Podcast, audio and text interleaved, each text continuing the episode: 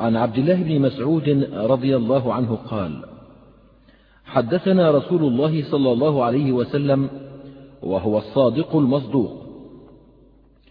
إن أحدكم يجمع خلقه في بطن أمه أربعين يوما نطفة ثم يكون علقة مثل ذلك ثم يكون مضغة مثل ذلك ثم يرسل الله إليه الملك فينفخ فيه الروح ويؤمر بأربع كلمات بكتب رزقه وعمله وأجله وشقي أو سعيد فوالذي لا إله غيره إن أحدكم ليعمل بعمل أهل الجنة حتى ما يكون بينه وبينها إلا ذراع فيسبق عليه الكتاب فيعمل بعمل أهل النار فيدخلها وإن أحدكم ليعمل بعمل أهل النار حتى ما يكون بينه وبينها إلا ذراع فيسبق عليه الكتاب فيعمل بعمل أهل الجنة فيدخلها. رواه البخاري ومسلم. هذا الحديث متفق على صحته. وتلقته الأمة بالقبول. رواه الأعمش عن زيد بن وهب عن ابن مسعود. ومن طريقه خرجه الشيخان في صحيحيهما.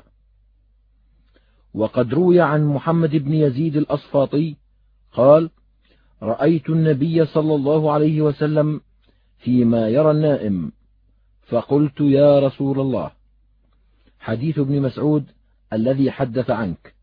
فقال حدثنا رسول الله صلى الله عليه وسلم وهو الصادق المصدوق فقال صلى الله عليه وسلم والذي لا إله إلا هو حدثته به أنا يقولها ثلاثا. ثم قال غفر الله للأعمش كما حدث به وغفر الله لمن حدث به قبل الأعمش ولمن حدث به بعده. وقد روي عن ابن مسعود من وجوه أخر فقوله صلى الله عليه وسلم إن أحدكم يجمع خلقه في بطن أمه أربعين يوما نطفة. قد روي تفسيره عن ابن مسعود روى الأعمش عن خيثمة عن ابن مسعود قال إن النطفة إذا وقعت في الرحم طارت في كل شعر وظفر. فتمكث أربعين يوما ثم تنحدر في الرحم فتكون علقة. قال فذلك جمعها خرجه ابن أبي حاتم وغيره. وروي تفسير الجمع مرفوعا بمعنى آخر فخرج الطبراني وابن منده في كتاب التوحيد من حديث مالك بن الحويرث أن النبي صلى الله عليه وسلم قال إن الله تعالى إذا أراد خلق عبد فجامع الرجل المرأة طار ماؤه في كل عرق وعضو منها. فإذا كان يوم السابع جمعه الله ثم أحضره كل عرق له دون آدم. في أي صورة ما شاء ركبك؟ وقال ابن منده إسناده متصل مشهور على رسم أبي عيسى والنسائي وغيرهما. وخرج ابن جرير وابن أبي حاتم والطبراني من رواية مطهر بن الهيثم عن موسى بن علي بن رباح عن أبيه عن جده أن النبي صلى الله عليه وسلم قال لجده يا فلان ما ولد لك؟ قال يا رسول الله وما عسى أن يولد لي إما غلام وإما جارية. قال فمن يشبه؟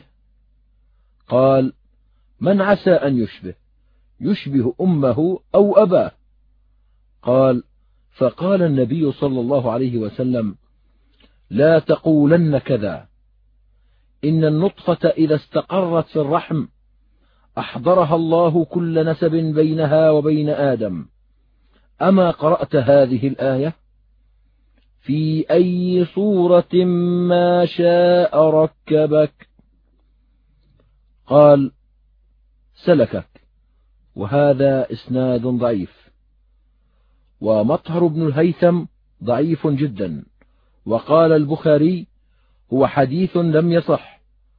وذكر بإسناده عن موسى بن علي عن أبيه أن أباه لم يسلم إلا في عهد أبي بكر الصديق يعني أنه لا صحبة له.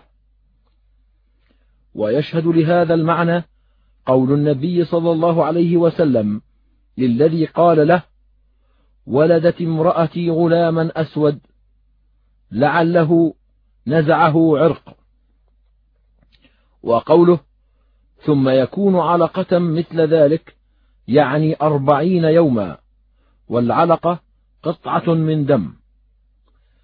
ثم يكون مضغة مثل ذلك يعني أربعين يوما والمضغة قطعة من لحم.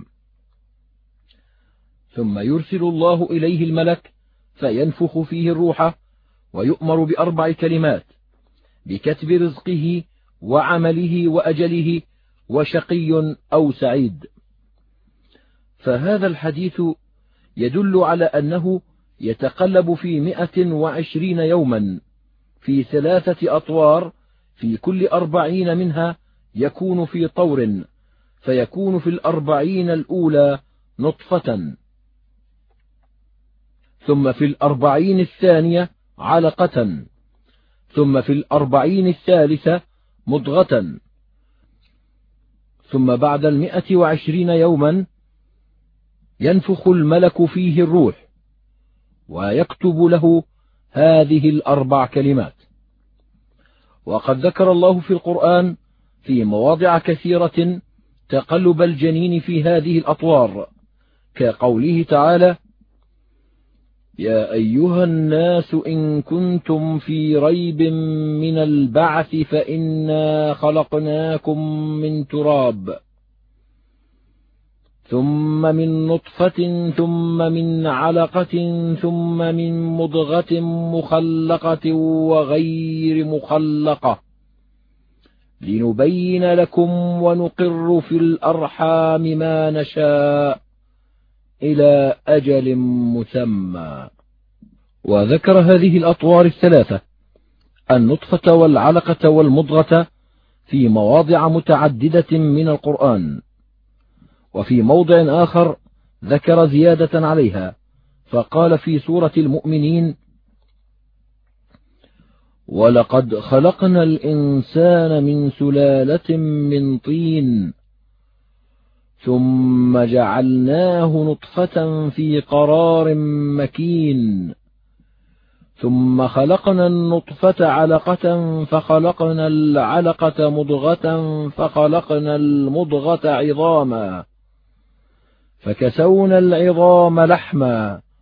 ثم أنشأناه خلقا آخر فتبارك الله. أحسن الخالقين. فهذه سبع تارات ذكرها الله في هذه الآية لخلق ابن آدم قبل نفخ الروح فيه. وكان ابن عباس يقول خلق ابن آدم من سبع ثم يتلو هذه الآية. وسئل عن العزل فقرأ هذه الآية ثم قال فهل يخلق أحد حتى تجري فيه هذه الصفة؟ وفي رواية عنه قال فهل تموت نفس حتى تمر على هذا الخلق؟ وروي عن رفاعة بن رافع قال جلس إلي عمر وعلي والزبير وسعد في نفر من أصحاب رسول الله صلى الله عليه وسلم فتذاكروا العزل فقالوا لا بأس به.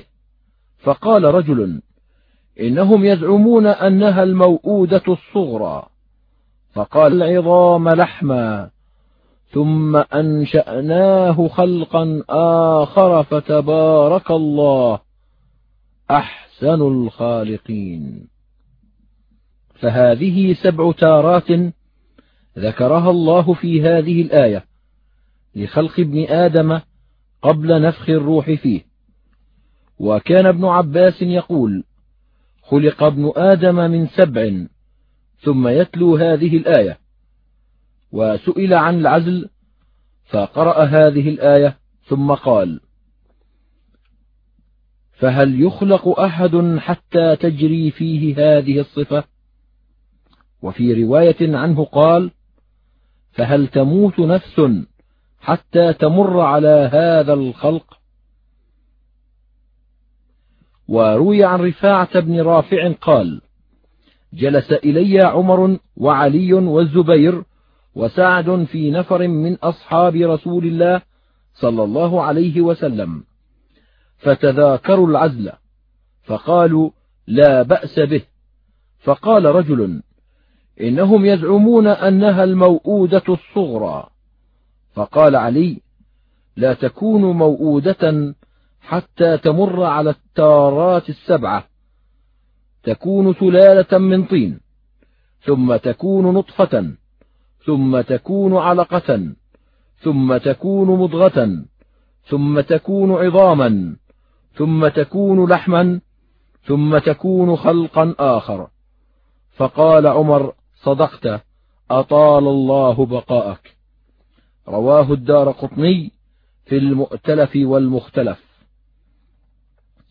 وقد رخص طائفة من الفقهاء للمرأة في إسقاط ما في بطنها ما لم ينفخ فيه الروح وجعلوه كالعزل. وهو قول ضعيف لأن الجنين ولد انعقد وربما تصور وفي العزل لم يوجد ولد بالكلية وإنما تسبب إلى منع انعقاده وقد لا يمتنع انعقاده بالعزل إذا أراد الله خلقه. كما قال النبي صلى الله عليه وسلم لما سئل عن العزل. لا عليكم أن لا تعزلوا. إنه ليس من نفس منفوسة إلا الله خالقها. وقد صرح أصحابنا بأنه إذا صار الولد علقة لم يجز للمرأة إسقاطه لأنه ولد انعقد بخلاف النطفة فإنها لم تنعقد بعد وقد لا تنعقد ولدا. وقد ورد في بعض روايات حديث ابن مسعود ذكر العظام وأنه يكون عظما أربعين يوما. فخرج الإمام أحمد من رواية علي بن زيد سمعت أبا عبيدة يحدث قال قال عبد الله قال رسول الله صلى الله عليه وسلم إن النطفة تكون في الرحم أربعين يوما على حالها لا تغير. فإذا مضت الأربعون صارت علقة ثم مضغة كذلك ثم عظاما كذلك. فإذا أراد الله أن يسوي خلقه بعث الله إليها ملكا وذكر بقية الحديث. ويروى من حديث عاصم عن أبي وائل عن ابن مسعود عن النبي صلى الله عليه وسلم قال إن النطفة إذا استقرت في الرحم تكون أربعين ليلة ثم تكون علقة أربعين ليلة ثم تكون عظاما أربعين ليلة ثم يكسو الله العظام لحما. ورواية الإمام أحمد تدل على أن الجنين لا يكسى اللحم إلا بعد مئة وستين يوما. وهذا غلط بلا ريب فإنه بعد مئة وعشرين يوما ينفخ فيه الروح بلا ريب كما سيأتي ذكره. وعلي بن زيد هو ابن جدعان لا يحتج به وقد ورد في حديث حذيفة بن أسيد ما يدل على خلق اللحم والعظام في أول الأربعين الثانية. ففي صحيح مسلم عن حذيفة بن أسيد عن النبي صلى الله عليه وسلم قال إذا مر بالنطفة ثنتان وأربعون ليلة بعث الله إليها ملكا فصورها وخلق سمعها وبصرها وجلدها ولحمها وعظامها ثم قال يا رب أذكر أم أنثى؟ فيقضي ربك ما شاء ويكتب الملك. ثم يقول يا رب أجله؟ فيقول ربك ما شاء. ويكتب الملك ثم يقول يا رب رزقه. فيقضي ربك ما شاء ويكتب الملك ثم يخرج الملك بالصحيفة في يده. فلا يزيد على ما أمر ولا ينقص. وظاهر هذا الحديث يدل على أن تصوير الجنين وخلق سمعه وبصره وجلده ولحمه وعظامه يكون في أول الأربعين الثانية.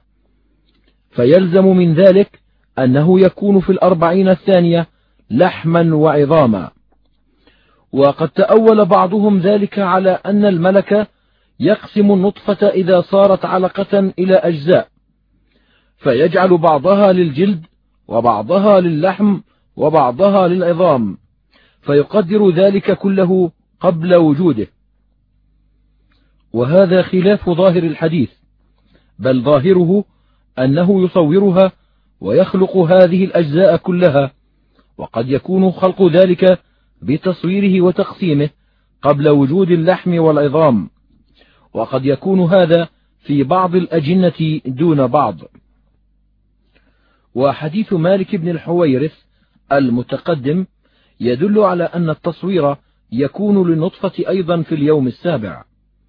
وقد قال الله عز وجل إنا خلقنا الإنسان من نطفة أمشاج. وفسر طائفة من السلف أمشاج النطفة بالعروق التي فيها. قال ابن مسعود أمشاجها عروقها. وقد ذكر علماء أهل الطب ما يوافق ذلك. وقالوا إن المني إذا وقع في الرحم حصل له زبدية ورغوة ستة أيام أو سبعة. وفي هذه الأيام تصور النطفة من غير استمداد من الرحم. ثم بعد ذلك تستمد منه. وابتداء الخطوط والنقط بعد هذا بثلاثة أيام. وقد يتقدم يوما ويتأخر يوما. ثم بعد ستة أيام وهو الخامس عشر من وقت العلوق. ينفذ الدم إلى الجميع فيصير علقة. ثم تتميز الأعضاء تميزا ظاهرا ويتنحى بعضها عن مماسة بعض. وتمتد رطوبة النخاع ثم بعد تسعة أيام ينفصل الرأس عن المنكبين والأطراف عن الأصابع تميزا يتبين في بعض ويخفى في بعض. قالوا وأقل مدة يتصور الذكر فيها ثلاثون يوما. والزمان المعتدل في تصور الجنين خمسة وثلاثون يوما. وقد يتصور في خمسة وأربعين يوما. قالوا ولم يوجد في الأسقاط ذكر تم قبل ثلاثين يوما ولا أنثى قبل أربعين يوما. فهذا يوافق ما دل عليه حديث حذيفة بن أسيد في التخليق في الأربعين الثانية ومصيره لحما فيها أيضا. وقد حمل بعضهم حديث ابن مسعود على أن الجنين يغلب عليه في الأربعين الأولى وصف المني وفي الأربعين الثانية وصف العلقة وفي الأربعين الثالثة وصف المضغة. وإن كانت خلقته قد تمت وتم تصويره وليس في حديث ابن مسعود ذكر وقت تصوير الجنين. وقد روي عن ابن مسعود نفسه ما يدل على أن تصويره قد يقع قبل الأربعين. الثالثة أيضا. فروى الشعبي عن علقمة عن ابن مسعود قال النطفة إذا استقرت في الرحم جاءها ملك فأخذها بكفه. فقال أي ربي مخلقة أم غير مخلقة؟ فإن قيل غير مخلقة لم تكن نسمة وقذفتها الأرحام. وإن قيل مخلقة قال أي ربي أذكر أم أنثى؟ شقي أم سعيد؟ ما الأجل وما الأثر؟ وبأي أرض تموت؟ قال فيقال للنطفة من ربك؟ فتقول الله. فيقال من رازقك؟ فتقول الله. فيقول اذهب إلى الكتاب فإنك ستجد فيه قصة هذه النطفة. قال فتخلق فتعيش في أجلها وتأكل رزقها وتطأ في أثرها حتى إذا جاء أجلها ماتت فدفنت في ذلك. ثم تلا الشعبي هذه الآية. يا أيها الناس إن كنتم في ريب من البعث فإنا خلقناكم من تراب ثم من نطفة ثم من علقة ثم من مضغة مخلقة وغير مخلقة. فإذا بلغت مضغة نكست في الخلق الرابع فكانت نسمة. فإن كانت غير مخلقة قذفتها الأرحام دما وإن كانت مخلقة نكست نسمة خرجه ابن أبي حاتم وغيره. وقد روي من وجه آخر عن ابن مسعود أن لا تصوير قبل ثمانين يوما فروى السدي عن أبي مالك وعن أبي صالح عن ابن عباس وعن مرة الهمداني عن ابن مسعود وعن ناس من أصحاب النبي صلى الله عليه وسلم في قوله عز وجل هو الذي يصوركم في الأرحام كيف يشاء. قال إذا وقعت النطفة في الأرحام طارت في الجسد أربعين يوما ثم تكون علقة أربعين يوما ثم تكون مضغة أربعين يوما فإذا بلغ أن تخلق بعث الله ملكا يصورها فيأتي الملك بتراب بين أصبعيه فيخلطه في المضغة ثم يعجنه بها ثم يصورها كما يؤمر فيقول أذكر أو أنثى؟ أشقي أو سعيد؟ وما رزقه؟ وما عمره؟ وما أثره؟ وما مصائبه؟ فيقول الله تبارك وتعالى ويكتب الملك فإذا مات ذلك الجسد دفن حيث أخذ ذلك التراب. خرجه ابن جرير الطبري في تفسيره. ولكن السدي مختلف في أمره وكان الإمام أحمد ينكر عليه جمعه الأسانيد المتعددة للتفسير الواحد. كما كان هو وغيره ينكرون على الواقدي جمعه الأسانيد المتعددة للحديث الواحد. وقد أخذ طوائف من الفقهاء بظاهر هذه الرواية. وتأولوا حديث ابن مسعود المرفوع عليها. وقالوا أقل ما يتبين خلق الولد أحد وثمانون يوما لأنه لا يكون مضغة إلا في الأربعين الثالثة ولا يتخلق قبل أن يكون مضغة. وقال أصحابنا وأصحاب الشافعي بناء على هذا الأصل إنه لا تنقضي العدة ولا تعتق أم الولد إلا بالمضغة المخلقة وأقل ما يمكن أن يتخلق ويتصور في أحد وثمانين يوما.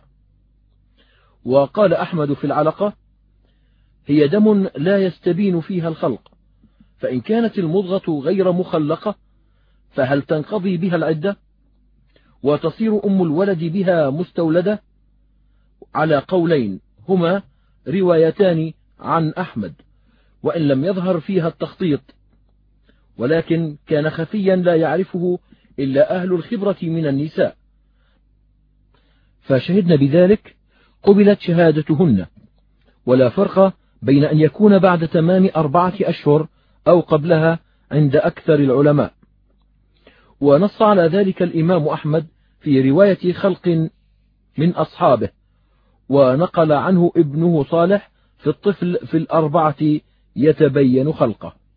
قال الشعبي إذا نكس في الخلق الرابع كان مخلقا انقضت به العدة وعتقت به الأمة إذا كان لأربعة أشهر. وكذا نقل عنه حنبل إذا أسقطت أم الولد فإن كان خلقه تامة عتقت وانقضت به العدة إذا دخل في الخلق الرابع في أربعة أشهر ينفخ فيه الروح. وهذا يخالف رواية الجماعة عنه. وقد قال أحمد في رواية عنه إذا تبين خلقه ليس فيه اختلاف أنها تعتق بذلك إذا كانت أمة. ونقل عنه جماعة أيضا في العلقة إذا تبين أنها ولد أن الأمة تعتق بها. وهو قول النخعي. وحكي قولا للشافعي ومن أصحابنا من طرد هذه الرواية عن أحمد في انقضاء العدة به أيضا. وهذا كله مبني على أنه يمكن التخليق في العلقة كما قد يستدل على ذلك بحديث حذيفة بن أسيد المتقدم. إلا أن يقال حديث حذيفة إنما يدل على أنه يتخلق إذا صار لحما وعظما. وإن ذلك قد يقع في الأربعين الثانية. لا في حال كونه علقة وفي ذلك نظر والله أعلم. وما ذكره الأطباء يدل على أن العلقة تتخلق وتتخطط وكذلك القوابل من النسوة يشهدن بذلك. وأحاديث مالك بن الحويرث يشهد بالتصوير في حال كون الجنين نطفة أيضا والله تعالى أعلم. وبقي في حديث ابن مسعود أن بعد مصيره مضغة أنه يبعث إليه الملك فيكتب الكلمات الأربعة وينفخ فيه الروح وذلك كله بعد مئة وعشرين يوما. واختلفت ألفاظ روايات هذا الحديث في ترتيب الكتابة والنفخ ففي رواية البخاري في صحيحه ويبعث إليه الملك فيؤمر بأربع كلمات ثم ينفخ فيه الروح. ففي هذه الرواية تصريح بتأخر نفخ الروح عن الكتابة. وفي رواية خرجها البيهقي في كتاب القدر ثم يبعث الملك فينفخ فيه الروح. ثم يؤمر بأربع كلمات. وهذه الرواية تصرح بتقدم النفخ على الكتابة. فإما أن يكون هذا من تصرف الرواة برواياتهم بالمعنى الذي يفهمونه وإما أن يكون المراد ترتيب الإخبار فقط لا ترتيب ما أخبر به. وبكل حال فحديث ابن مسعود يدل على تأخر نفخ الروح في الجنين وكتابة الملك لأمره إلى بعد أربعة أشهر حتى تتم الأربعون الثالثة. فأما نفخ الروح فقد روي صريحا عن الصحابة أنه إنما ينفخ فيه الروح بعد أربعة أشهر. كما دل عليه ظاهر حديث ابن مسعود. فروى زيد بن علي عن أبيه عن علي قال إذا تمت النطفة أربعة أشهر بعث إليها ملك فنفخ فيها الروح في الظلمات فذلك قوله تعالى ثم أنشأناه خلقا آخر. خرجه ابن أبي حاتم وهو إسناد منقطع وخرج اللالكائي بإسناده عن ابن عباس قال إذا وقعت النطفة في الرحم مكثت أربعة أشهر وعشرة أربعة أشهر وعشرة ثم نفخ فيها الروح ثم مكثت أربعين ليلة ثم بعث إليها ملك فنقفها في نقرة القفا وكتب شقيا أو سعيدا. وفي إسناده نظر وفيه أن نفخ الروح يتأخر عن الأربعة أشهر بعشرة أيام. وبنى الإمام أحمد مذهبه المشهور عنه على ظاهر حديث ابن مسعود وأن الطفل ينفخ فيه الروح بعد الأربعة أشهر وأنه إذا سقط بعد تمام أربعة أشهر صلي عليه حيث كان قد نفخ فيه الروح ثم مات. وحكي ذلك أيضا عن سعيد بن المسيب وهو أحد أقوال الشافعي وإسحاق. ونقل غير واحد عن أحمد أنه قال إذا بلغ أربعة أشهر وعشرة ففي تلك العشر ينفخ فيه الروح ويصلى عليه وقال في رواية أبي الحارث عنه تكون النسمة نطفة أربعين ليلة وعلقة أربعين ليلة ومضغة أربعين ليلة ثم تكون عظما ولحما فإذا تم أربعة أشهر وعشرا نفخ فيه الروح. فظاهر هذه الرواية أنه لا ينفخ فيه الروح إلا بعد تمام أربعة أشهر وعشر. كما روي عن ابن عباس والروايات التي قبل هذه عن أحمد إنما تدل على أنه ينفخ فيه الروح في مدة العشر بعد تمام الأربعة. وهذا هو المعروف عنه وكذا قال ابن مسيب لما سئل عن عدة الوفاة حيث جعلت أربعة أشهر وعشرا ما بال العشر؟ قال ينفخ فيها الروح.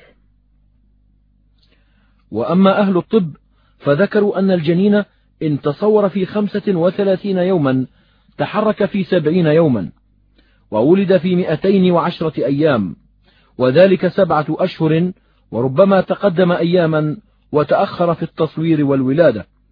وإذا كان التصوير في خمسة وأربعين يوما تحرك في تسعين يوما وولد في مئتين وسبعين يوما. وذلك تسعة أشهر والله أعلم. وأما كتابة الملك فحديث ابن مسعود يدل على أنها تكون بعد الأربعة أشهر أيضا على ما سبق. وفي الصحيحين عن أنس عن النبي صلى الله عليه وسلم قال وكل الله بالرحم ملكا يقول أي رب نطفة أي رب علقة أي رب مضغة فإذا أراد الله أن يقضي خلقا قال يا ربي أذكر أم أنثى؟ أشقي أم سعيد؟ فما الرزق؟ فما الأجل؟ فيكتب كذلك في بطن أمه. وظاهر هذا يوافق حديث ابن مسعود لكن ليس فيه تقدير مدة. وحديث حذيفة بن أسيد الذي تقدم يدل على أن الكتابة تكون في أول الأربعين الثانية. وخرجه مسلم أيضا بلفظ آخر من حديث حذيفة بن أسيد يبلغ به النبي صلى الله عليه وسلم. قال يدخل الملك على النطفة بعدما تستقر في الرحم بأربعين أو خمسة وأربعين ليلة. فيقول يا ربي أشقي أو سعيد؟ فيكتبان. فيقول أي ربي أذكر أو أنثى؟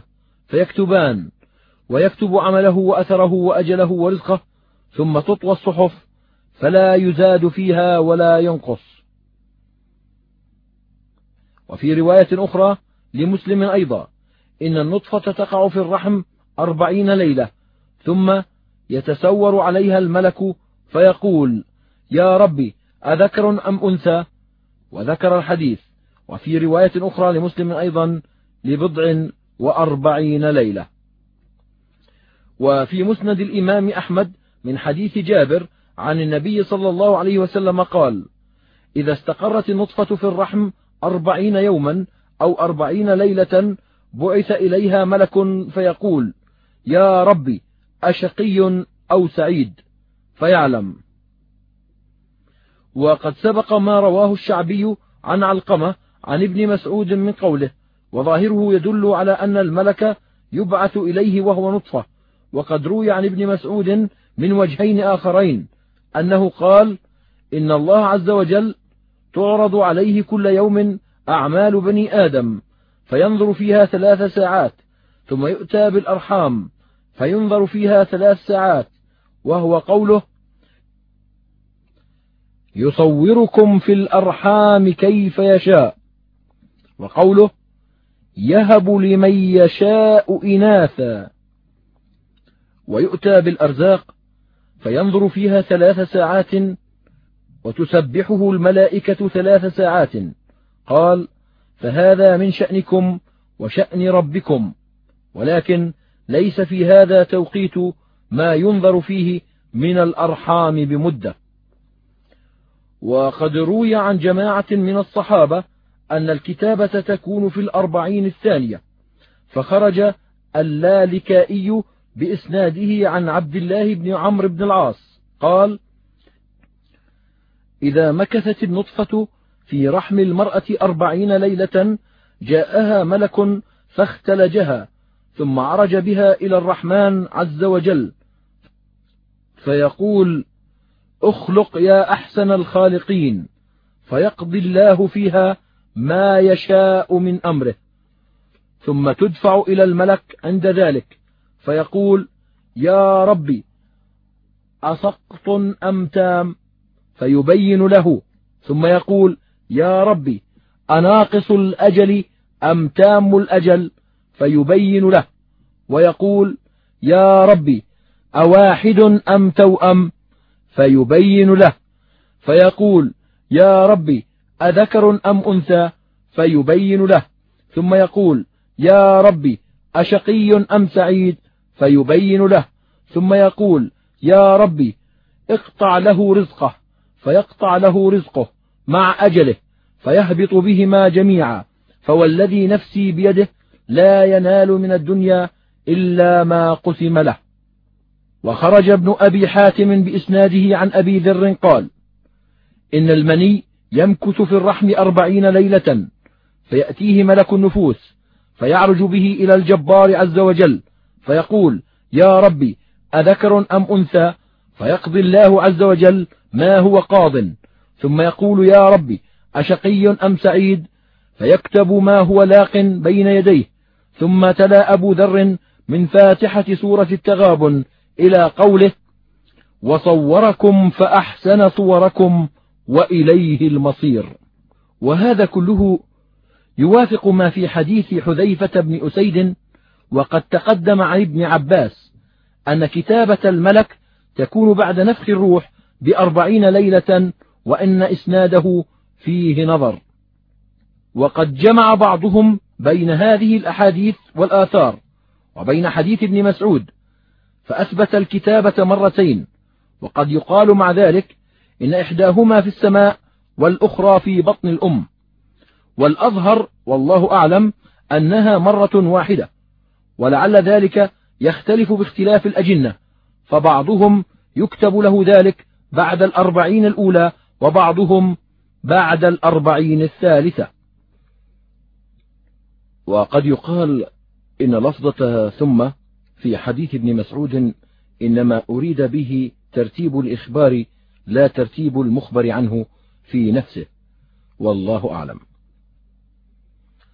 ومن المتأخرين من رجح أن الكتابة تكون في أول الأربعين الثانية. كما دل عليه حديث حذيفة بن أسيد وقال إنما أخر ذكرها في حديث ابن مسعود إلى ما بعد ذكر المضغة وإن ذكرت بلفظ ثم لئلا ينقطع ذكر الأطوار الثلاثة التي يتقلب فيها الجنين وهي كونه نطفة وعلقة ومضغة. فإن ذكر هذه الثلاثة على نسق واحد أعجب وأحسن. فلذلك أخر المعطوف عليها وإن كان المعطوف متقدما على بعضها في الترتيب. واستشهد لذلك بقوله تعالى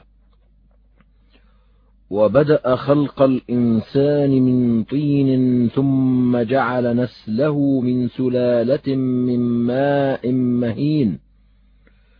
ثم سواه ونفخ فيه من روحه.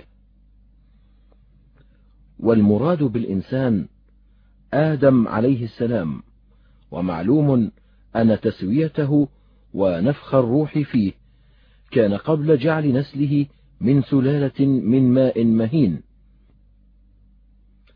لكن لما كان المقصود ذكر قدرة الله عز وجل في مبدأ خلق آدم وخلق نسله عطف ذكر أحدهما على الآخر وأخر ذكر تسوية آدم ونفخ الروح فيه. وإن كان ذلك متوسطا بين خلق آدم من طين وبين خلق نسله والله أعلم. وقد ورد أن هذه الكتابة تكتب بين عيني الجنين ففي مسند البزار عن ابن عمر رضي الله عنهما عن النبي صلى الله عليه وسلم قال إذا خلق الله النسمة قال ملك الأرحام أي ربي أذكر أم أنثى؟ قال فيقضي الله إليه أمره ثم يقول أي ربي أشقي أم سعيد؟ فيقضي الله إليه أمره ثم يكتب بين عينيه ما هو لاق حتى النكبة ينكبها. وقد روي موقوفا على ابن عمر غير مرفوع وحديث حذيفة بن أسيد المتقدم صريح في أن الملك يكتب ذلك في صحيفة ولعله يكتب في صحيفة ويكتب بين عيني الولد. وقد روي أنه يقترن بهذه الكتابة أنه يخلق مع الجنين ما تضمنته من صفاته القائمة به. فروي عن عائشة عن النبي صلى الله عليه وسلم قال إن الله إذا أراد أن يخلق الخلق بعث ملكا فدخل الرحم فيقول أي ربي ماذا؟ فيقول غلام أو جارية أو ما شاء الله أن يخلق في الرحم. فيقول أي ربي أشقي أم سعيد؟ فيقول ما شاء فيقول يا ربي ما أجله؟ فيقول كذا وكذا فيقول ما خلقه ما خلائقه؟ فيقول كذا وكذا فما من شيء إلا وهو يخلق معه في الرحم. خرجه أبو داود في كتاب القدر والبزار في مسنده.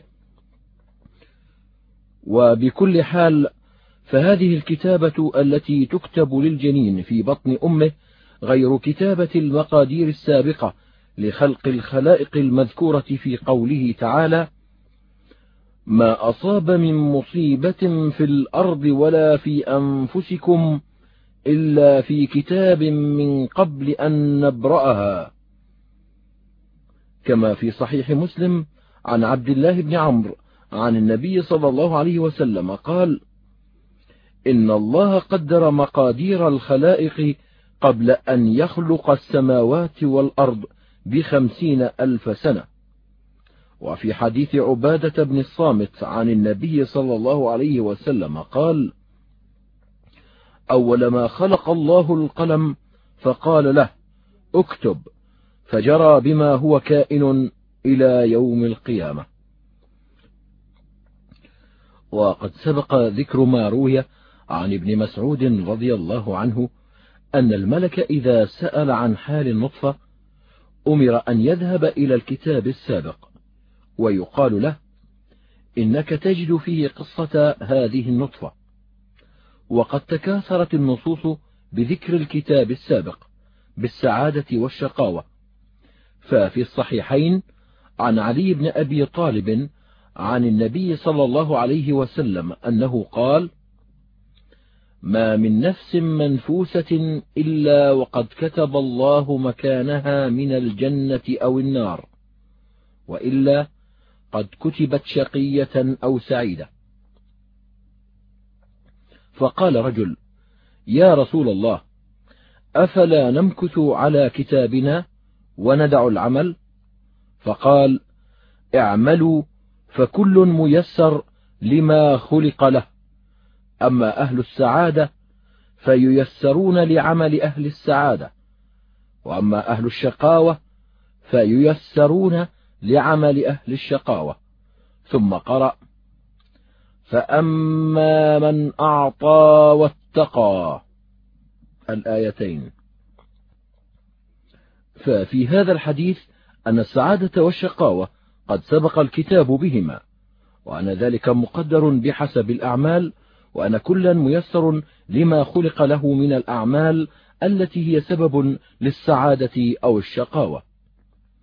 وفي الصحيحين عن عمران بن حسين قال قال رجل يا رسول الله أيعرف أهل الجنة من أهل النار؟ قال نعم. قال قال فلم يعمل العاملون؟ قال كل يعمل لما خلق له أو لما ييسر له. وقد روي هذا المعنى عن النبي صلى الله عليه وسلم من وجوه كثيرة وحديث ابن مسعود فيه أن السعادة والشقاوة بحسب خواتيم الأعمال. وقد قيل إن قوله في آخر الحديث فوالله الذي لا إله غيره إن أحدكم ليعمل بعمل أهل الجنة إلى آخر الحديث مدرج من كلام ابن مسعود. كذلك رواه سلمة بن كهيل عن زيد بن وهب عن ابن مسعود من قوله وقد روي هذا المعنى عن النبي صلى الله عليه وسلم من وجوه متعددة أيضا. وفي صحيح البخاري عن سهل بن سعد عن النبي صلى الله عليه وسلم قال إنما الأعمال بالخواتيم. وفي صحيح ابن حبان عن عائشة عن النبي صلى الله عليه وسلم قال إنما الأعمال بالخواتيم.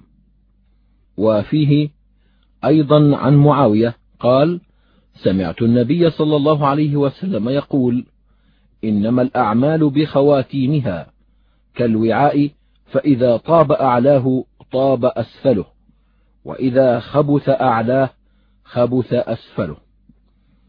وفي صحيح مسلم عن أبي هريرة عن النبي صلى الله عليه وسلم قال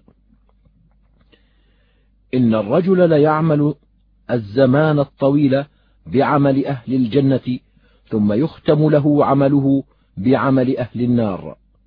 وإن الرجل ليعمل الزمان الطويل بعمل أهل النار ثم يختم له عمله بعمل أهل الجنة. وخرج الإمام أحمد من حديث أنس عن النبي صلى الله عليه وسلم قال لا عليكم ألا تعجبوا بأحد حتى تنظروا بم يختم له. فإن العامل يعمل زمانا من عمره أو برهة من دهره بعمل صالح لو مات عليه دخل الجنة. ثم يتحول فيعمل عملا سيئا. وإن العبد ليعمل البرهة من دهره بعمل سيء لو مات عليه دخل النار. ثم يتحول فيعمل عملا صالحا. وخرج أيضا من حديث عائشة عن النبي صلى الله عليه وسلم قال إن الرجل ليعمل بعمل أهل الجنة وهو مكتوب في الكتاب من أهل النار فإذا كان قبل موته تحول فعمل بعمل أهل النار فمات فدخل النار. وإن الرجل ليعمل بعمل أهل النار وإنه لمكتوب في الكتاب من أهل الجنة فإذا كان قبل موته تحول فعمل بعمل أهل الجنة فمات فدخلها. وخرج أحمد والنسائي والترمذي من حديث عبد الله بن عمرو قال خرج علينا رسول الله صلى الله عليه وسلم وفي يده كتابان فقال أتدرون ما هذان الكتابان؟ فقلنا لا يا رسول الله إلا أن تخبرنا. فقال للذي في يده اليمنى هذا كتاب من رب العالمين فيه أسماء أهل الجنة وأسماء آبائهم وقبائلهم ثم أجمل على آخرهم. فلا يزاد فيهم ولا ينقص منهم أبدا. ثم قال للذي في شماله هذا كتاب من رب العالمين فيه أسماء أهل النار وأسماء آبائهم وقبائلهم ثم أجمل على آخرهم فلا يزاد فيهم ولا ينقص منهم أبدا. فقال أصحابه ففيما العمل يا رسول الله إن كان أمرا قد فرغ منه. فقال سددوا وقاربوا فإن صاحب الجنة يختم له بعمل أهل الجنة وإن عمل أي عمل وإن صاحب النار يختم له بعمل أهل النار وإن عمل أي عمل. ثم قال رسول الله صلى الله عليه وسلم بيديه فنبذهما ثم قال فرغ ربكم من العباد فريق في الجنة وفريق في السعير. وقد روي هذا الحديث عن النبي صلى الله عليه وسلم من وجوه متعددة وخرجه الطبراني من حديث علي بن أبي طالب عن النبي صلى الله عليه وسلم وزاد فيه صاحب الجنة مختوم له بعمل أهل الجنة وصاحب النار مختوم له بعمل أهل النار. وإن عمل أي عمل وقد يسلك بأهل السعادة طريق أهل الشقاء حتى يقال ما أشبههم بهم. بل هم منهم وتدركهم السعادة فتستنقذهم. وقد يسلك بأهل الشقاء طريق أهل السعادة حتى يقال ما أشبههم بهم بل هم منهم ويدركهم الشقاء. من كتبه الله سعيدا في أم الكتاب لم يخرجه من الدنيا حتى يستعمله بعمل يسعده قبل موته ولو بفواق ناقة. ثم قال الأعمال بخواتيمها الأعمال بخواتيمها. وخرجه البزار في مسنده بهذا المعنى أيضا من حديث ابن عمر عن النبي صلى الله عليه وسلم. وفي الصحيحين عن سهل بن سعد أن النبي صلى الله عليه وسلم التقى هو والمشركون وفي أصحابه رجل لا يدع شاذة ولا فاذة إلا اتبعها يضربها بسيفه. فقالوا ما أجزأ منا اليوم أحد كما أجزأ فلان.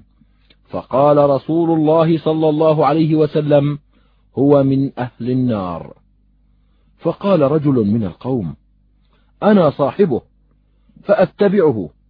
فجرح الرجل جرحا شديدا فاستعجل الموت فوضع نصل سيفه على الأرض وذبابه بين ثدييه ثم تحامل على سيفه فقتل نفسه.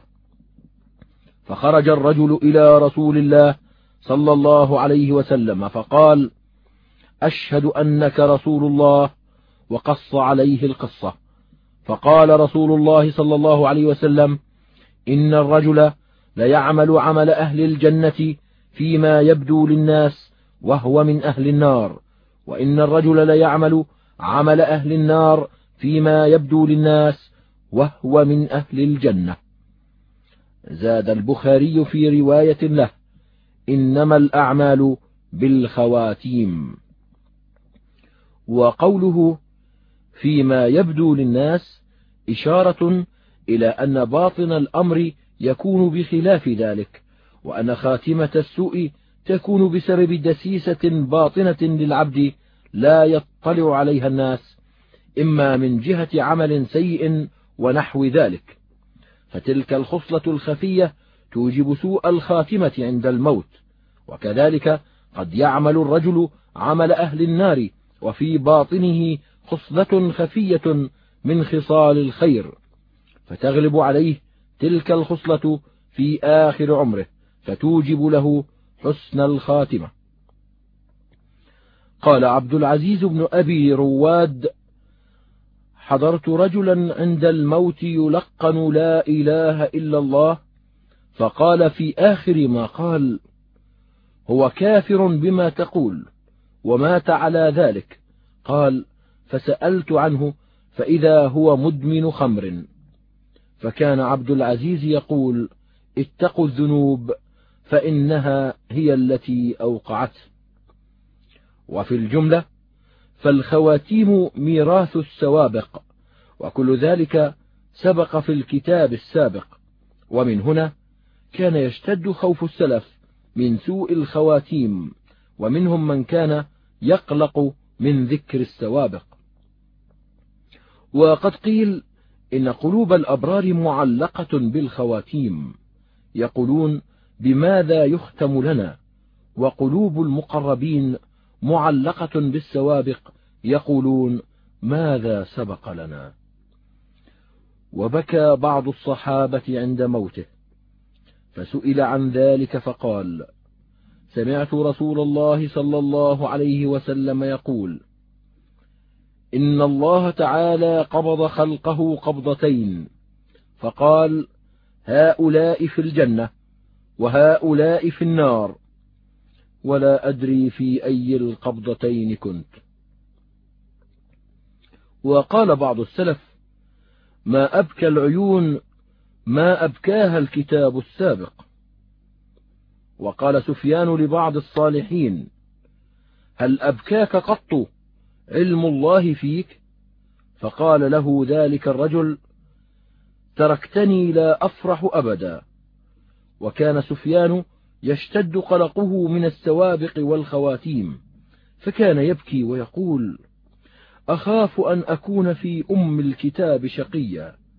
ويبكي ويقول أخاف أن أسلب الإيمان عند الموت.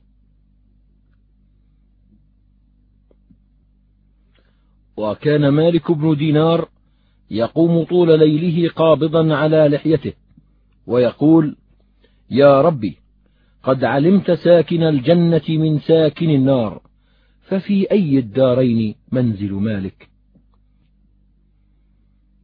قال حاتم الأصم من خلا قلبه من ذكر أربعة أخطار فهو مغتر فلا يأمن الشقاء الأول خطر يوم الميثاق حين قال هؤلاء في الجنة ولا أبالي وهؤلاء في النار ولا أبالي فلا يعلم في أي الفريقين كان.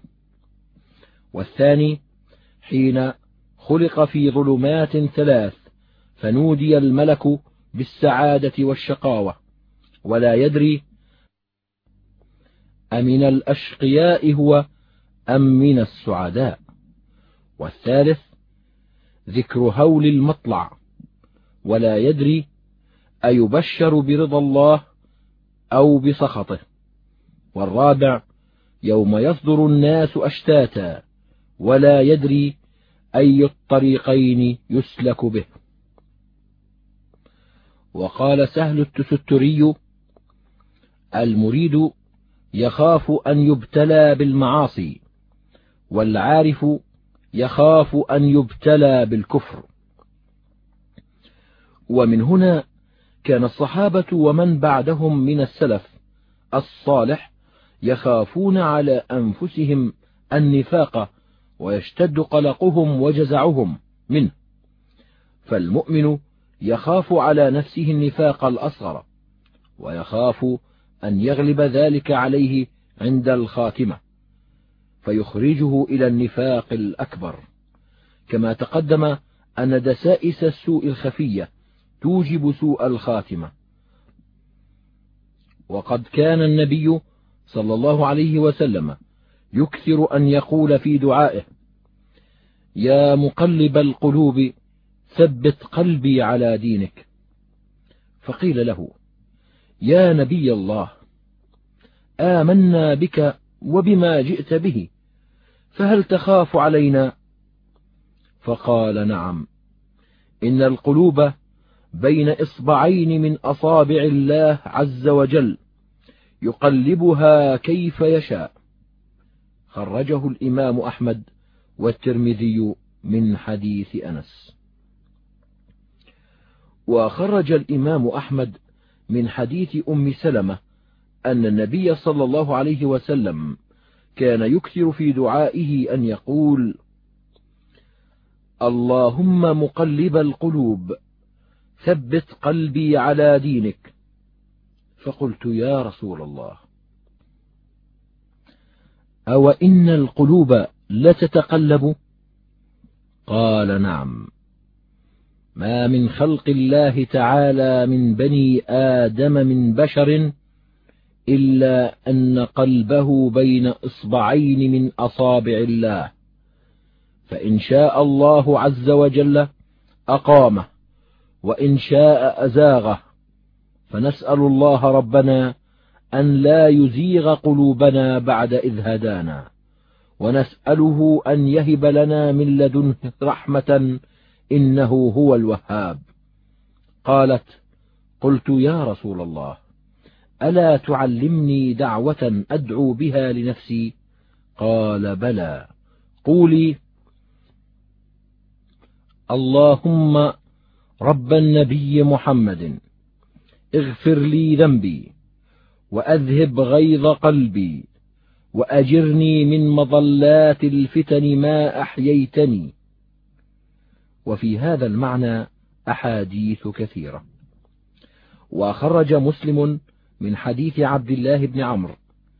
سمع رسول الله صلى الله عليه وسلم يقول